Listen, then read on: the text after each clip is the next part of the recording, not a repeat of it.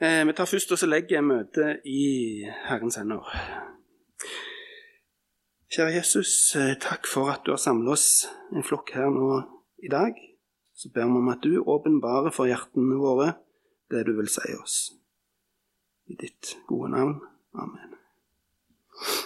Det er, står i Lukas 13, 10-21 det, det ble en firdelt tale, kan vi si. Jeg satser på det snaut ti minutter hver. Så jeg satser på å klare det på halvtimen. Men jeg skal snakke ikke altfor fort. Lukas 13, 10-21, de to lignelsene kommer på slutten der. Men for kontekstens skyld de, Det tyder på at det henger sammen med denne foran, uten at det er helt åpenbart hvordan. Så da tar vi med dette helbredelsesunderet som skjer rett før. da. Først vil jeg si litt om eh, Før jeg leser teksten eh, Si litt om at med første øyekast så ser vi helbredelsene og miraklene som bevis på Jesu guddommelige kraft, kombinert med medfølelsen han har med mennesker som har det vondt. Men Jesu mirakler og helbredelser de hadde tilsynelatende òg alltid en dypere mening. Jeg syns ofte at de som blir helbreda av Jesus, er et bilde på vår åndelige tilstand før Jesus får berøre oss.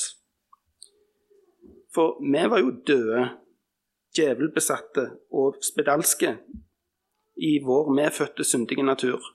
Vi trengte å vekkes til liv og bli løst og bli rensa. Vi var oppblåste, blødende og syke. Jesus måtte ydmyke oss, forbinde sårene våre og gi oss medisinen. Vi var blinde og døve før Den hellige ånd åpenbarte Jesus for oss. Vi var lamme og stumme før Jesus kommanderte oss til å gå og fortelle om hva han har gjort for alle mennesker. Her er det en fortelling om ei dame som hadde noe som mange mener kan ha minner om en sånn ekstreme variant av Bechdrevs sykdom. Eller ankoliserende spondylitt, heter det visst nå. Eh, hvor denne dama rett og slett var dobbel. Hun gikk med hodet ned i knehøyde du kunne gjerne bare se en sånn snau meter foran seg, og faktisk en god del mer bak seg. Jeg testa det i dag morges og fant ut at du kan jo faktisk se ganske langt bak. Jeg skal ikke demonstrere det her. Eh, Lukas 13, 10-17 leser vi. En sabbat holdt han på å lære folket i en av synagogene. Og se, der var det en kvinne eh, som hadde hatt en vannmaktsånd i 18 år. Hun var krumbøyd og kunne ikke rette seg opp. Da Jesus så henne, kalte han henne til seg og sa til henne, Kvinne, du er løst fra din vannmakt. Han la hendene på henne, og straks rettet hun seg opp og priste Gud. Halleluja, har jeg lyst til å tillegge. Ok, ned på jorda igjen. Da tok synagogeforstanderen til orde. Han var harm fordi Jesus helbreda på sabbaten, og han sa til folket det er seks dager til å arbeide på. Kom derfor på de og bli helbreda, og ikke på sabbaten. Men Herren svarte han og sa, hyklere, løse ikke hver av dere oksen eller eselet fra krybben på sabbaten og leier dem ut så de får drikke. Men denne, en Abrahams datter, som Satan har bundet, tenk i 18 år, skulle ikke hun bli løst av dette båndet på sabbatsdagen? Da han sa dette, ble alle motstanderne hans gjort til skamme, og hele folket gledet seg over alle de herlige ting som skjedde ved ham. Jeg sier litt om dette før uh, vi går videre på de lignelsene som kommer etterpå. Denne kvinna hun kom altså da fortsatt til synagogen, selv om hun i 18 år kanskje hadde blitt bedt for av de her jødene som var tilknyttet synagogen. Kvinna kom. Jesus så hun. Hun var altså kommet der sånn at Jesus kunne se henne. Og hun kunne sannsynligvis ikke se han i hennes tilstand, uansett enten hun sto eller satt. Hun kan òg være et bilde på oss, da, som ikke kan se Jesus i vår forkrøpla, forvrengte, syndige opp-ned-tilstand. Eh, vi må komme fram i lyset, sånn at Jesus kan se oss, kalle på oss og berøre oss i dag. Og gjøre oss omvendt og rette oss opp, sånn at vi priser Gud. La deg omvende og bli gjenoppretta av Jesus. Han kan og vil gjøre deg rett igjen. Du som så lett blir bøyd av ei avmaktsånd, sånn at du ikke ser han. En annen ting her er synagogeforstanderen og de medløperne hans som blir sinte når dette skjer. Jeg håper ingen av oss blir sinte hvis Jesus bruker andre sammenhenger enn de vi sjøl står i, for å frelse mennesker. Kanskje Jesus kaller deg for en hykler fordi du har mer kjærlighet til en viss type teologi enn til at mennesker har gått fra død til liv gjennom et møte med Jesus. En del av vekkelsene jeg har sett i Afrika, Asia og Sør-Amerika er ganske karismatiske i stilen i mange tilfeller. Fryder jeg meg over dette, eller rynker jeg heller litt på nesen? Jeg preker til meg sjøl her nå. Ellers kan vi gjerne tenke Er det noe du tenker på spesielt, som åndelig sett er i en forkrøpla tilstand, sånn som denne dama. Ta gjerne og be for denne personen nå. Jeg tenkte gjerne å ha et ett minutts stillhet der, men jeg tror jeg, vi dropper det. Du kan tenke ta det med deg til etter møtet. Eh, noe som binder denne episoden her sammen med de to lignelsene som kommer etterpå, jeg tror kanskje det kan være noe med at alle de her motstanderne til Jesus ble gjort til skamme med Jesu ord og gjerninger. I tillegg så kunne hele folket glede seg over den. De to neste lignelsene her nå, de er nemlig forutsigelser av Jesus. Om at Guds rike vil fra å virke lite og puslete i starten, med tida vokse fram og påvirke det som du kommer i kontakt med. Så Lukas 13, 18-21. Så sa han hva er Guds rike likt, og hva skal jeg ligne det med? Det er likt et sennepsfrø som en mann tok og sådde i hagen sin. Det vokste og ble til et tre, og himmelens fugler bygde rede i greinene. Og igjen sa han, hva skal jeg ligne Guds rike med? Det er likt en surdeig som en kvinne tok og skjulte i tre kar med mel til alt var gjennomsyret. Ja, dette fikk jeg at jeg skulle tale over. Og dette omdiskuterte greier skal jeg fortelle dere. Her er det ulike meninger om hvordan de skal tolkes. Men jeg eh, har gått til solide kilder. Eh, og det er ikke min egen hjerne. Eh, Matteus 13 og Markus 4 kommer det òg lignelsene her. Der står de i en annen sammenheng, da. Eh, Matteus har med den lignelsen om eh, surdeigen. Den er utelatt i Markus. Men det kan gjerne tyde på at Lukas da har satt det inn i den historisk riktige tekstsammenhengen. Eh, det kan jo òg veldig godt være at Jesus fortalte disse lignelsene med flere ulike anledninger. Johannes han refererte jo ingen lignelser, hvis ikke dere var klar over det, men han har ikke det med. Jesus han forteller lignelsene primært til disiplene. Betydningen av flere av lignelsene var jo skjult for de som ikke tror på ham. Det er noen unntak, f.eks. lignelsen om vingårdsmennene i Matteus 21, 45. Da står det at ypperste prestene og fariseerne hørte hans lignelser, og de skjønte at han talte om de. Da eh, unngikk de å pågripe ham at de forsto at han snakket om de. Ja, hva er Guds rike likt, sier Jesus her. Guds rike. Ta litt om det først. Før den nytestamentlige tida, da hadde folk møtt begrepet to plasser i Daniels bok. I Daniel 2, 44 så tolker Daniel Nebukadnesers drøm om de fire historiske verdensrikene og tilføyer i disse kongenes dager vil himmelens Gud opprette et rike som i all evighet ikke skal ødelegges. Det skal tvert imot vokse sterkt, og til slutt stå alene og seierrikt igjen på arenaen. Mange år senere så Daniel i nattsynene sine den gamle av dage, som da Gud Fader, på en trone. En som lignet en menneskesønn, som da er Jesus, steg fram for ham og fikk tre gaver. Herredømme, ære og rike. Dette står i Daniel 7, 13. På disse to stedene hos Daniel er altså Guds rike sterkt voksende, seierrikt og evig. Og Jesus, menneskesønnen, er av Gud innsatt som rikets konge. Både døperen Johannes og Jesus vitna da, som forutsagt, om Guds rike når de sto fram. De ba folk omvende seg, for Guds rike er kommet nær. Omvendelse gir oss inngangsbillett til borgerskap i riket. Riket er dels nærværende og dels framtidig. Men veien fra nåtid til framtid for Guds rike, det rommer et vekstmysterium. Og det er det mysteriet Jesus informerer oss om her, da, i de her vekstlignelsene. Guds rike det er likt et sennepsfrø, sier Jesus. Da eh, Vi sier at Jesus ikke eh, er de som sier han ikke har humor, men her det er noen ganske sånn absurde bilder han eh, tegner i mange av de her lignelsene sine. Og her òg. For Guds rike, da tenker vi jo noe svære greier, og så kommer det et sennepsfrø. Eh, det var et ordtak på den tida som var lite som et sennepsfrø, og det var liksom sånn ekstremt lite.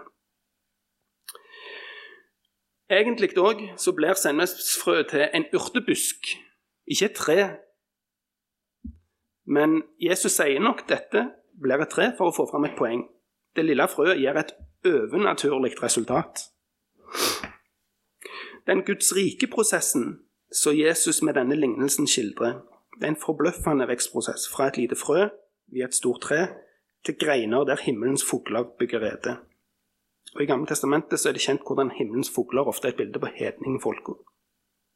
Da er det Daniel 4, Esekiel 17, 31 og Salme 104 som eksempler på det. Endestasjonen for dette riket det er, eller, det er både synagogefolkets omvendelse og hedningemisjonens fullendelse. Jeg tar med meg òg en eh, fra Esekiel 17, 22-24, som jeg syns er veldig flott en kvist av sederens topp, altså Messias. Esekiel 17, 22. Så sier Herren Herren, da vil jeg ta en kvist av den høyeste sederens topp og plante den. Fra dens øverste kvister vil jeg bryte av et fint skudd, og jeg vil plante det på et høyt, høyt fjell. På Israels høye fjell vil jeg plante det, og det skal skyte greiner og bære frukt og bli til en herlig seder. Og alle slags fugler, alt som har vinger, skal bo under det. I skyggen av dets greiner skal de bo. Alle markens trær skal kjenne at jeg, Herren, har gjort et, tre, et høyt tre lavt og et lavt tre høyt. Et friskt tre tørt og et tørt tre grønt. Jeg, Herren, har sagt det, og jeg skal gjøre det. Hvetekornet Jesus som dør og legges i jorda for å bære mye frukt på sikt, det er nok òg sikta til i og med at det er snakk om et frø skal sås i jorda her. En annen liten detalj det er at sennepsplanten på den tida den ble sett på som irriterende ugras, for den formerte seg så voldsomt. Eh, det var ingen egentlig som sådde sennepsfrø. Det er òg en sånn absurde ting i dette, for det sådde seg sjøl, kan du nesten si. En annen ting er at frøa er frukta som er mest benytta på dette sennepstreet, eller sennepsurteplanten, da, der er det frø, og så er den frukten som er mest benytta. Det er òg noe vi kan ta med oss. da, At eh, frukta vi skal bære og vise til, det er frøet som frukta ble til av, altså evangeliet. Det skal vi kristne sjøl produsere og forkynne. Håper det blir evangelisk dette her òg etter hvert. Det er mye teori her nå. Ja. En annen ting å ta med seg, det er at fuglene eh, som bygger reir, det kan òg peke på falske profeter og falske kristne. Vi ser flere sånne lignelser hvor fugler er representanter for Satan. Så det er òg en mulig tolkning inn i dette. her da. Men det er en kompatibel tolkning, for det eh, styrke og fred fins i dette treet. Både kristne og ikke-kristne nyter godt av dette treet. Jeg snakket med noen Jehovas vitner for en uke siden, og de er jo kjempefornøyde med at de har noen lover og regler å forholde seg til. Så de syns det er kjempebra, da, men de har jo ikke forstått dette med forsoningen i Jesus helt tydelig. Så det er egentlig en ting jeg gjerne har tenkt å ta opp i denne talen. her. Jeg har litt sånn brann for Det er folk der som er egentlig åpne. Jeg tror de er mye mer åpne nå enn gjerne de var før. Selv om nok av folk som sier at ja, der kommer du ikke gjennom. For det er én ting med moralsk synd, det er ikke så vanskelig å komme gjennom. Men religiøs synd, det er vanskelig å bryte ned. Ja, men iallfall, Jehovas vitner og mormonere det er òg eh, falske religioner da, som nyter godt av treet som er bygd opp. De bygger reir. Eh, de hører ikke til, og de er ikke en del av treet, men ja, til og med de nyter godt av det selv om de ikke er frelst. Ja, til slutt her nå om dette sennepstreet. Det får være nok sennep i denne omgang. Luther, hva sier han? Jeg føler det får være fasit istedenfor mine spekulasjoner. Eh, det er ikke noe sted et ord er mer hata enn evangeliet.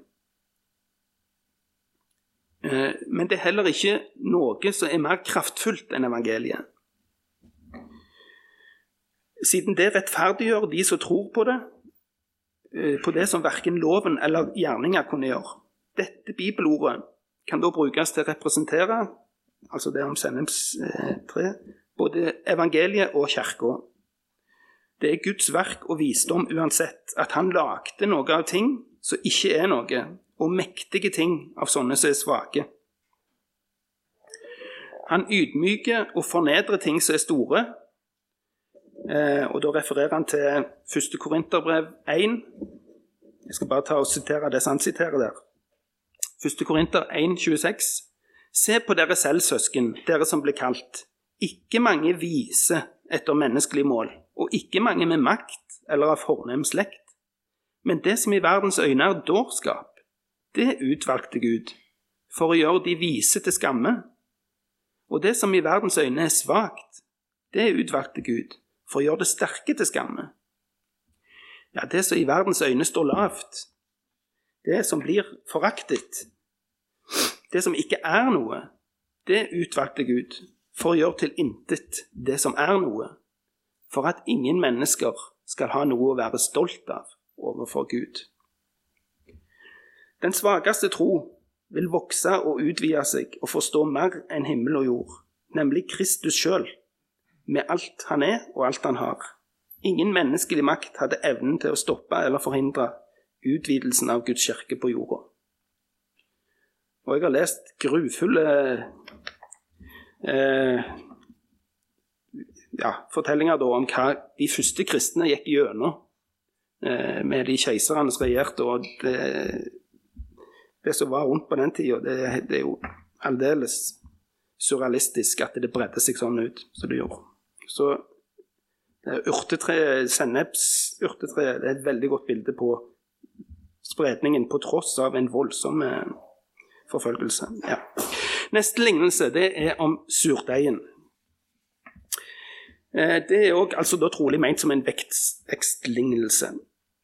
Og igjen sa han, hva skal jeg ligne Guds rike med? Det er likt en surdeig som en kvinne tok eh, og skjulte i tre kar mel til alt var gjennomsyret. Odd Sverre Hove skal jeg bare ta og sitere først, hva han sier om denne lignelsen. Det har jeg henta fra denne sida som heter For oss. I de bildene Jesus her gjør bruk av, er det et par påfallende trekk. Det ene er den enorme mengden med mel. Tre mål mel, det er 40 liter. Skal ifølge kommentarene kunne gi nok brød til 150 sultne mennesker. Det er faktisk òg samme mengden da, som Sara lagde til Herren og de to englene når ja, de etterpå da sa hun skulle få Isak, og hun lo. Så det er nok veldig mange jøder da, som ville ha hørt dette og med en gang tenkt ah, Sara. Eh, men det er altså en gedigen mengde. Det andre påfallende trekket det er verbet. Jesus sier at kvinnen skjulte surdeigen i melet forresten samme mengden også som eh, Hanna eh, bakte til Var det Eli? Skulle, Samuel skulle til ja. Så det går litt igjen, akkurat den mengden der. Så det er interessante ting som jeg ikke skal ta nå, egentlig. Eh, ja, de står at det skjulte. Eh, Jesus antyder da tydeligvis at det er noe hemmelighetsfullt med den prosessen som skjer inni den enorme melmengden. Surdeigen rommer krefter nok til å gjennomsyre hele medmengden. På samme måten skal også Guds rike vokse sterkt i en hemmelighetsfull vekstprosess som ikke vil stanse før riket når endemålet sitt i kraft og herlighet. Sitat slutt av han Odd Sverre Hove, da. Så skal jeg bare ta bitte litt om surdeig. Eh, surdeig det indikerer så å si alltid synd, falsk lære, hykleri eller farisisme i Nye Testamentet. Men surdeig trenger du altså ikke nødvendigvis være negativt. Eh, selv om på, påskemåltidet, takkoffera og skuebrøda var usyra brød, så var brøda som skulle bli brukt på pinsefesten, interessant nok surdeigsbrød. Jeg syns dette er interessant. Eh, 3. Mosebok 23, 17. Fra stedene der dere bor, skal dere ta med to brød som skal svinges. De skal være laget av to tiendedels mål fint mel og bakt med surdeig. Det er førstegrøten for Herren. Og det var Spurgeon òg sa dette. Det var en grunn til det var to der. Det var både representert jødene og hedningene. Ja. Og det er lett å overanalysere sånne lignelser som dette her. Eh, jeg har brukt en måned nå på å komme til bunns i denne lignelsen. her. Jeg ble aldri fornøyd med alle de tolkningene jeg hørte rundt forbi. Jeg tenkte på et tidspunkt Jeg skal bare ta dere med litt på hvor langt på vidden jeg var da. Eh, hvetekorn eh, skal jo falle i jorda og dø. Jesus ble knust for våre misgjerninger. Altså, Jesus er melet, tenkte jeg. For surdeig, det er jo synd. Det kan jo ikke være Nei. Det kan, det kan ikke være et bilde på evangeliet, noe så flott som det. Eh, så jeg tenkte da, OK, Jesus bekjente vår synd når han døypte seg. Men jeg fant fort da ut at melet kan ikke være et bilde på Jesus. Selv om han ble gjort til synd for oss, for synda ble ikke en del av ham. Han ble behandla som om han hadde alle våre synder. Men Jesus var syndfri. Ja, så den la jeg fra meg. Eh, Kvinna her, så tenkte jeg òg hvem kan dette være, da? Eh, tenkte gjerne det kunne være himmelen, pga. at i Galaterne 5, hvor han tar opp dette med Sara, så beskrives himmelen som vår mor. Ja, Luther hjalp meg vekk fra grubleriene mine. Han er rett på sak og gjør ting enkelt. Så da tar vi Luther til slutt her, da. Surdeigen, det er evangeliet. Melet er verden. Herren ønsker å trøste oss med denne metaforen og gir oss å forstå at når evangeliet, eh, altså som surdeigen, har blanda seg med menneskeheten, som er deigen, melet, så vil prosessen fortsette med å påvirke menneskeheten og ikke slutte å fungere før enden på verden, og vil fungere på hele massen av mennesker som blir frelst, uavhengig av alle feller og fristelser fra helvete. På samme måte så er det umulig for surheten når han har blanda seg med melet, og siden ble skilt fra deigen fordi det har endra selve naturen til deigen, så er det umulig for en kristen noen gang å bli reven vekk fra Kristus. Og det er umulig for kristendommen å bli reven bort fra verden. Men en kristen kan jo gå vekk fra Jesus sjøl, da. Fordi Kristus som et stykke surdeig har blitt inkorporert med dem. At de endrer seg sammen med ham til å bli én kropp og en masse og et brød. Surdeigen er her derfor ordet, evangeliet, som fornyer mennesker. Det er sitat slutt av Luther. Ok. Det var den tekstgjennomgangen. Beklager at det er mye opplesning. Jeg hadde egentlig tenkt å ha min første tale uten manus i dag, men jeg slo det fra meg når jeg fikk influensa i uka. Hodet gikk alle veier. Så eh, til slutt, da. Nå kommer det en avrunding her. Eh, en fjerdedel, da. Den er kortere enn de andre. Eh, Surdeiglignelsen den er høyaktuell for tida. Hvorfor det? Pga. de mest toneangivende reformerte teologene de har begynt å bruke den da, til å fremme en bestemt form for endetidsteologi som ikke er spesielt kjent og utbredt i Norge eh, ennå, får vi si. Postmillennialisme. Fra noe av Post Mill. Hørt om det? Eh, før var det forbundet med liberal teologi. Eh, da var liksom tanken at at kristne, hele verden blir kristne etter hvert pga. gode gjerninger til kristne og sånne ting. Eh, men nå kommer dette ut fra de mest konservative, reformerte teologene. Og disse har stor, stor påvirkning på kristne eh, konservative i USA iallfall. Endetidsteologi det er et område jeg ikke har Jeg tenker ah, en annen gang. Før jeg nå fikk det ble mint, ok, de her sånn, og da er det dette her det alle henger seg opp i, da. Så jeg må nesten ta det. Vet du hva du tror på der? Hva kaller du deg? Postmil, premil, amil, pretrib, premil, historisk premil? Ganske mange, men fire hovedgrupper. Eh, les gjerne Guttorm Raens gjennomgang av endetidssynet på Bibelsk tro sine nettsider. Eh, han kaller jo da dispensasjonalismen og postmill for ubibelske. Men det han kritiserer der, det er en annen variant av postmill enn det de konservative amerikanerne står for. Det er det han er en sto for. Det. For den de står for, den kan nok ikke kalles ubibelsk direkte. Ran går kun god for to syn i denne eh, Bibels tro sine nettsider. Det er premill og amill. Ja eh, Hva er dette her, da? Ok, Postmil og Amil de sier at tusenårsriket det er symbolsk å forstå som tida vi er inne i nå, altså kirketida. Fra pinsedag, da starta tusenårsriket. Eh, så kan dere sikkert tenke mange kritikker mot den der. Greit. Eh, mens eh, de gjerne premil-variantene de tror jo at det kommer et jordisk tusenårsrike. At det ikke er symbolsk. Eh, så det er to varianter der. Den ene er nok den som flest eh, er. Historisk premiel det er nok den som er mest utbredt totalt sett i kirka. Men som sagt, denne postmild er skikkelig på vei opp, og den skal vi være litt obs på hva det er for noe. Ja. Eh, og denne Premil de tror altså da på et opprettelsen av et jordisk tusenårsrike før Jesus kom igjen for å dømme verden. Mens vi tror det er symbolsk. Vi tenker det som skjer, det er at Jesus kommer og dømmer, og det er ikke noe eh, tusenårsrike før han dømmer. Ja. Jeg tror alle fire syn har noe riktig og noe galt. Jeg heller nok mest mot Amil sjøl. Joel Richardson han var på eh, Salem i Stavanger for en del år siden. Han er òg en bra mann, virker det som. Han er nok premil, sånn jeg har forstått det.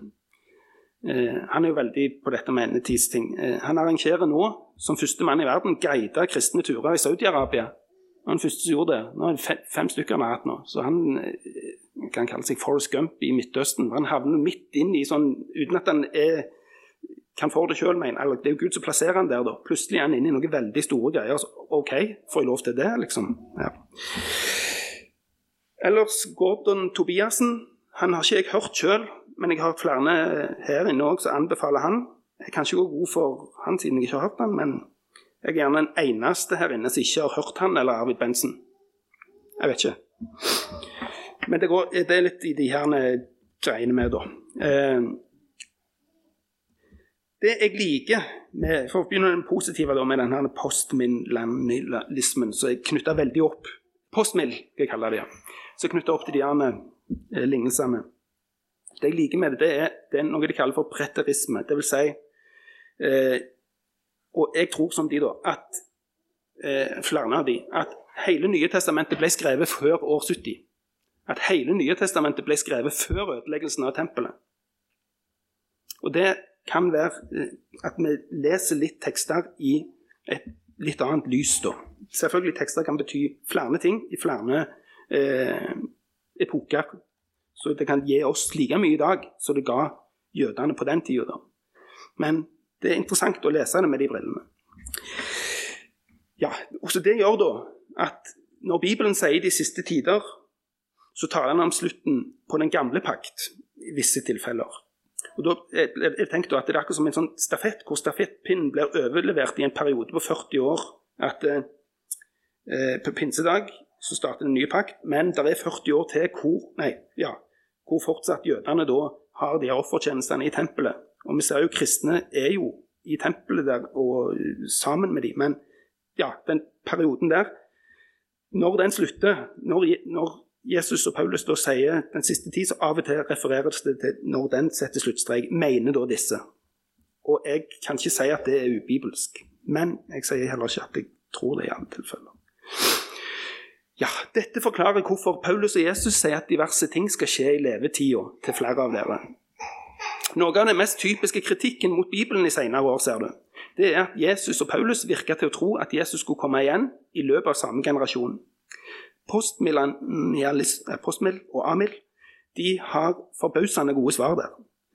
Utenom bibelske historikere sånn som Josefus og Tacitus har øyenvitnehistorier fra ødeleggelsen av tempelet og Jerusalem som virkelig understreker at det ikke var tvil om at jøder og kristne opplevde en helt ekstrem trengselstid, men òg spesielle tegn da, før ødeleggelsen av tempelet. Jeg vil likevel ikke kalle meg postmill, Bl.a. pga. at de eh, utelukker eh, en eh, opprykkelse av de kristne før Jesus andre kommer. Men sånn som så, flere av de her sier, da, de er klar for å endre teologien midt i lufta eh, mens de er på vei opp. Ellers, en, en, ting vi kan ta med her i forhold til det å være åpen for litt ulike tolkninger. Eh, Carl Fredrik Wisløff og Peter Paul Johannes Beierhaus, en tysk teolog, luthersteolog, de hadde hvert sitt foredrag om dette på Fjellhaug i sin tid. Hvor Wisløff da forsvarte det som Augustin og Luther sto for, A-mill, mens han her Bayerhaus da forsvarte premild, historisk premil. Så traff de igjen da året etterpå og da sa han Bayerhaus du har overbevist meg, Wisløff. Nå er jeg blitt Amil. Sier du det? Nå tror jeg det du trodde, sa Wisløff. For i mellomtida hadde han da lest eh, Åpenbaringen eh, 20 og funnet dette er jo et jordisk Så han skifta til Premil eh, Wisløff, da. Men ikke, han, sa, han, sa han hadde lest seg fram til det, ikke at han, argumentene til den andre gjorde det. Ja. Eh, Premil har en mer bokstavelig tolkning av åpenbaringen 20, og det klinger jo alltid bra. Eh, ja, jeg skal hoppe over en del ting her. Men for å eh, Akkurat som Wisløff leste og endra syn, så han har Doug Wilson, som da er gjerne den mest prominente sånn postmill-personen for tida. Han vitner om det samme. Det var etter han hadde alle de puslespillbrikkene, og så fikk han et bibelvers, og så aha, eureka, så ble han det, da. Og det er så interessant, da, han har Joel Richardson, som jeg nevnte, han i Saudi-Arabia. der. Han, sier, han er overbevist om at dette emnet her, det er egentlig meint å være subjektivt. For Gud har åpenbart dette stykkevis. Men det, ikke, det, betyr ikke at vi ikke skal grave i dette. For det er utrolig mye interessant som dukker opp. Du finner mye sammenhenger og linker i Bibelen her som du ikke har sett før, når du jobber med de tingene der. Så det får være litt sånn eh, litt av moralen i dag. Eh, Gud har konstruert doble betydninger for at ulike ting skal vektlegges på ulike tidspunkt òg, kanskje. Dette med postmiddel var veldig populært i tider med store vekkelser i USA. Eh, de her postmildfolkene kan òg vise til statistikk som viser at antall kristne hele tida har økt. Eh, stort sett. Ja, jeg kan gjerne si at det er en pil som går oppover der.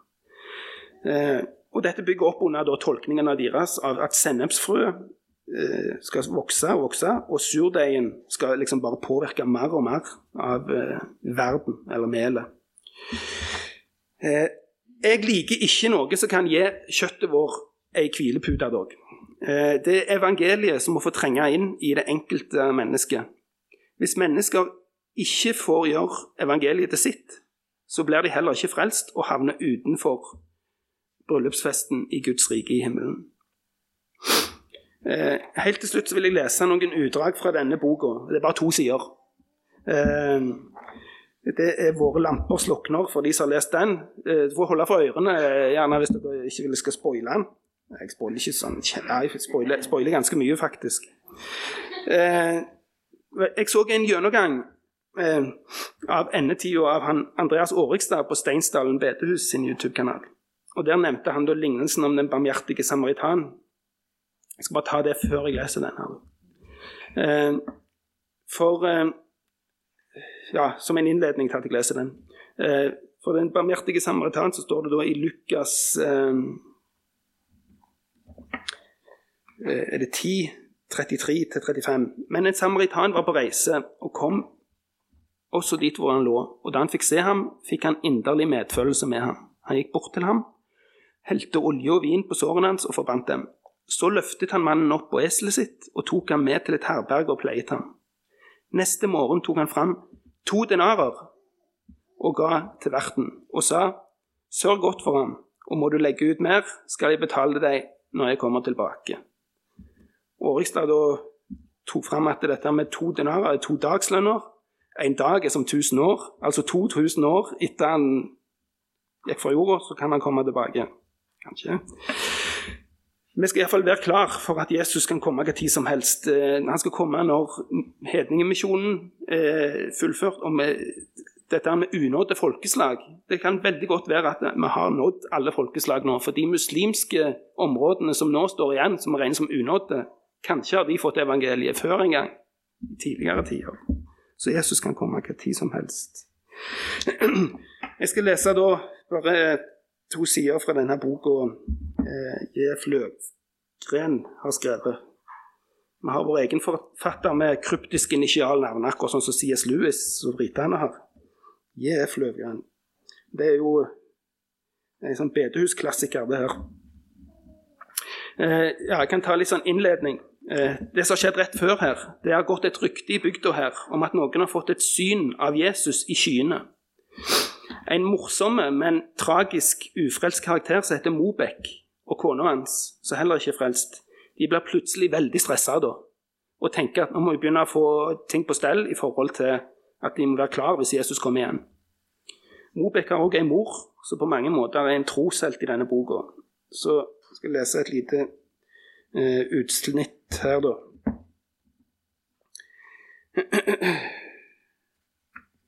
Ja, Mobeks stemme var plutselig blitt varm og gråtkvalt. Skal vi ikke bare ta oss og lese litt sammen? Og jo, Arnstein, la oss gjøre det, sa hans hustru og satte seg til rette mens hun dro lommetørkleet over øynene. Men de ble helt forferdet over moren. Nei, det har jeg ikke tid til nå. Jeg skal ha disse strømpene ferdige. Du holdt på å strikke strømper, da. Men tenk om Jesus kom igjen. Da, Lina, skal han finne meg med to solide bondestrømper i hendene. Jeg skal rekke hendene og dem ut imot ham og si, 'Her er jeg, Jesus. Takk for at du kom.' Du er ikke nervøs, høres det ut for. Nei, jeg er bare frelst. Men det er da vi også, mor, sa ektefolkene omtrent i kor. Den gamle så fra den ene til den andre. Så fyltes øynene hennes langsomt med tårer mens hun skiftet strikkepinnene. Ingen av dere har noensinne vært omvendt til Gud, sa hun kort. Et øyeblikk satt de som lamslått, mens ansiktene deres gikk over fra å være bleke til feberrøde. Det var Mobek som fikk målet opp først. Jeg skal si du er en hyggelig mor, nesten gråt han. Her fører jeg på deg år etter år. Lenger kom han ikke, for hans hustru måtte lufte sine følelser. Ditt ondskapsfulle troll, eksploderte hun. Ditt gamle dømmesyke drog. Drog? Jeg vet ikke. Heller ikke hun kom lenger, for hun begynte å hulke hjertekjærende og ærrig. Gamlefruen lot bølgene bruse mens hun bandt på strømpene sine. Hennes trivelige, rødmussede ansikt var litt sterkere i gløden enn vanlig. Øynene hvilte på barna med et vemodig uttrykk. Dere burde sørge for å få det godt med Gud mens det er tid, sa hun stille, som om intet var sagt av vonde ord. Dere blir ellers stående utenfor døren til bryllupssalen som de dårlige jomfruer, uten bluss i lampen. Så skal jeg hoppe fram til litt seinere her. Da er det da en som har nettopp fått avbilda et bilde av seg sjøl. Pastoren har fått et flott bilde av seg sjøl. Så blitt avduka skal de koret synge en sang for han her. Ja, da reiste sangkoret seg for å synge. Den høye, skallede dirigenten var på plass. Mens kormedlemmene trykket og flyttet seg for å komme i stilling. Han pekte og rettet med taktstokken. Han ga tonen et nesten uhørlig la-la-la. Han hevet stokken. Koret sto oppmerksomt og spent. Han gjorde et slag. Men da Da var det hendt noe rustende. Dirigenten gjorde en vill bevegelse med taktstokken. Ikke en lyd fra koret, annet enn korte gisp fra åndedrett som holdt på å stoppe. Over halvparten av koret var der ikke. Øyeblikksstillhet var forferdelig, den knuget. En stillhet som kunne drepe. Men bare et øyeblikk. Dirigentens taktstokk falt klirrende på gulvet og trillet trinn for trinn ned av plattformen. Hans munn sto åpen av skrekk, mens han med blodskutte øyne stirret på de kritthvite ansiktene han hadde foran seg. Er jeg gal? skingret han. Stemmen kunne gjerne tilhøre en gal, og en ga annen gal stemme svarte han. Nei, ikke gal, du er fortapt. Det var Røst. Han lo høyt og kjærende. Se, ropte han. Se de dårlige jomfruene. Han pekte nedover i kirken med en finger som skalv så det slang. Og det var et fryktelig syn. Omtrent to tredjedeler av forsamlingen var forsvunnet. Det fantes ikke et barn noe steds. De som var igjen, var grepet av en forferdelig panikk. På plattformen sank de i kne. Gråt og vanvittig latter rørte sammen til en grufull konsert. Nede i kirken hang de over benkene eller lå hjelpeløse på gulvløperne. De orket ikke å reise seg. Jamrende klager steg og sank. Rop på far og mor og barn, på hustruer og menn, smalt som nødskrik fra vegg til vegg.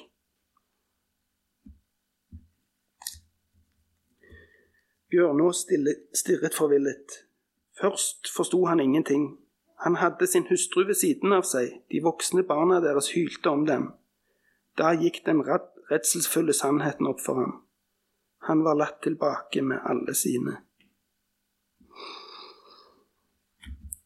Kjære Jesus, ber om at du holder oss eh, der vi bør være, nær deg til den dagen du kommer igjen. Ber for alle her inne. Ber for alle mine. Du ser, så jeg har i min slekt som ikke er frelst.